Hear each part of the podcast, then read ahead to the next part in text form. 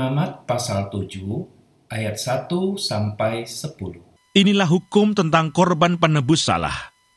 Korban itu ialah persembahan maha kudus. Di tempat orang menyembelih korban bakaran, di situlah harus disembelih korban penebus salah. Dan darahnya haruslah disiramkan pada mesbah itu sekelilingnya. Segala lemak dari korban itu haruslah dipersembahkan, yakni ekornya yang berlemak dan lemak yang menutupi isi perut. Dan lagi kedua buah pinggang dan lemak yang melekat padanya, yang ada pada pinggang, dan umbai hati yang harus dipisahkan beserta buah pinggang itu. Haruslah imam membakar semuanya itu di atas mesbah, sebagai korban api-apian bagi Tuhan. Itulah korban penebus salah. Setiap laki-laki di antara para imam haruslah memakannya, haruslah itu dimakan di suatu tempat yang kudus. Itulah bagian maha kudus. Seperti halnya dengan korban penghapus dosa, demikian juga halnya dengan korban penebus salah. Satu hukum berlaku atas keduanya. Imam yang mengadakan pendamaian dengan korban itu, bagi dialah korban itu. Imam yang mempersembahkan korban bakaran seseorang, bagi dia juga kulit korban bakaran yang dipersembahkannya itu tiap-tiap korban sajian yang dibakar di dalam pembakaran roti, dan segala yang diolah di dalam wajan dan di atas panggangan adalah bagi imam yang mempersembahkannya.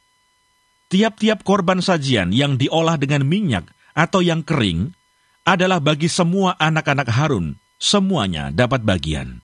Sahabat, Kitab Taurat mengatur tata cara melakukan upacara korban penebus salah atau korban penebus dosa yang tujuannya adalah untuk menghapus dosa seseorang, baik yang berdosa secara sengaja maupun dosa yang tidak sengaja. Jika seseorang melakukan kesalahan dalam salah satu perkara, maka yang pertama-tama harus mengakui dosa yang diperbuatnya itu. Lalu, dia wajib mempersembahkan korban penebus salah. Di dalam iman kepercayaan kita, ritual korban penebus salah menggunakan binatang korban tidak lagi dilakukan pada saat ini. Sebab Yesus Kristus sudah menjadi korban penebus dosa yang sempurna, yang melebihi binatang-binatang korban seperti lembu, domba, maupun kambing.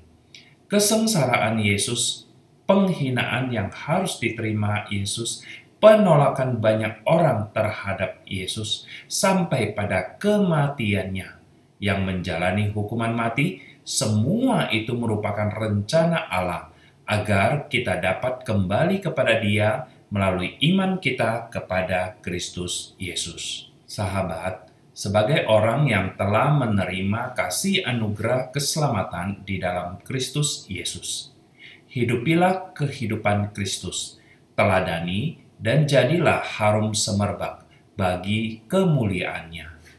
Amin.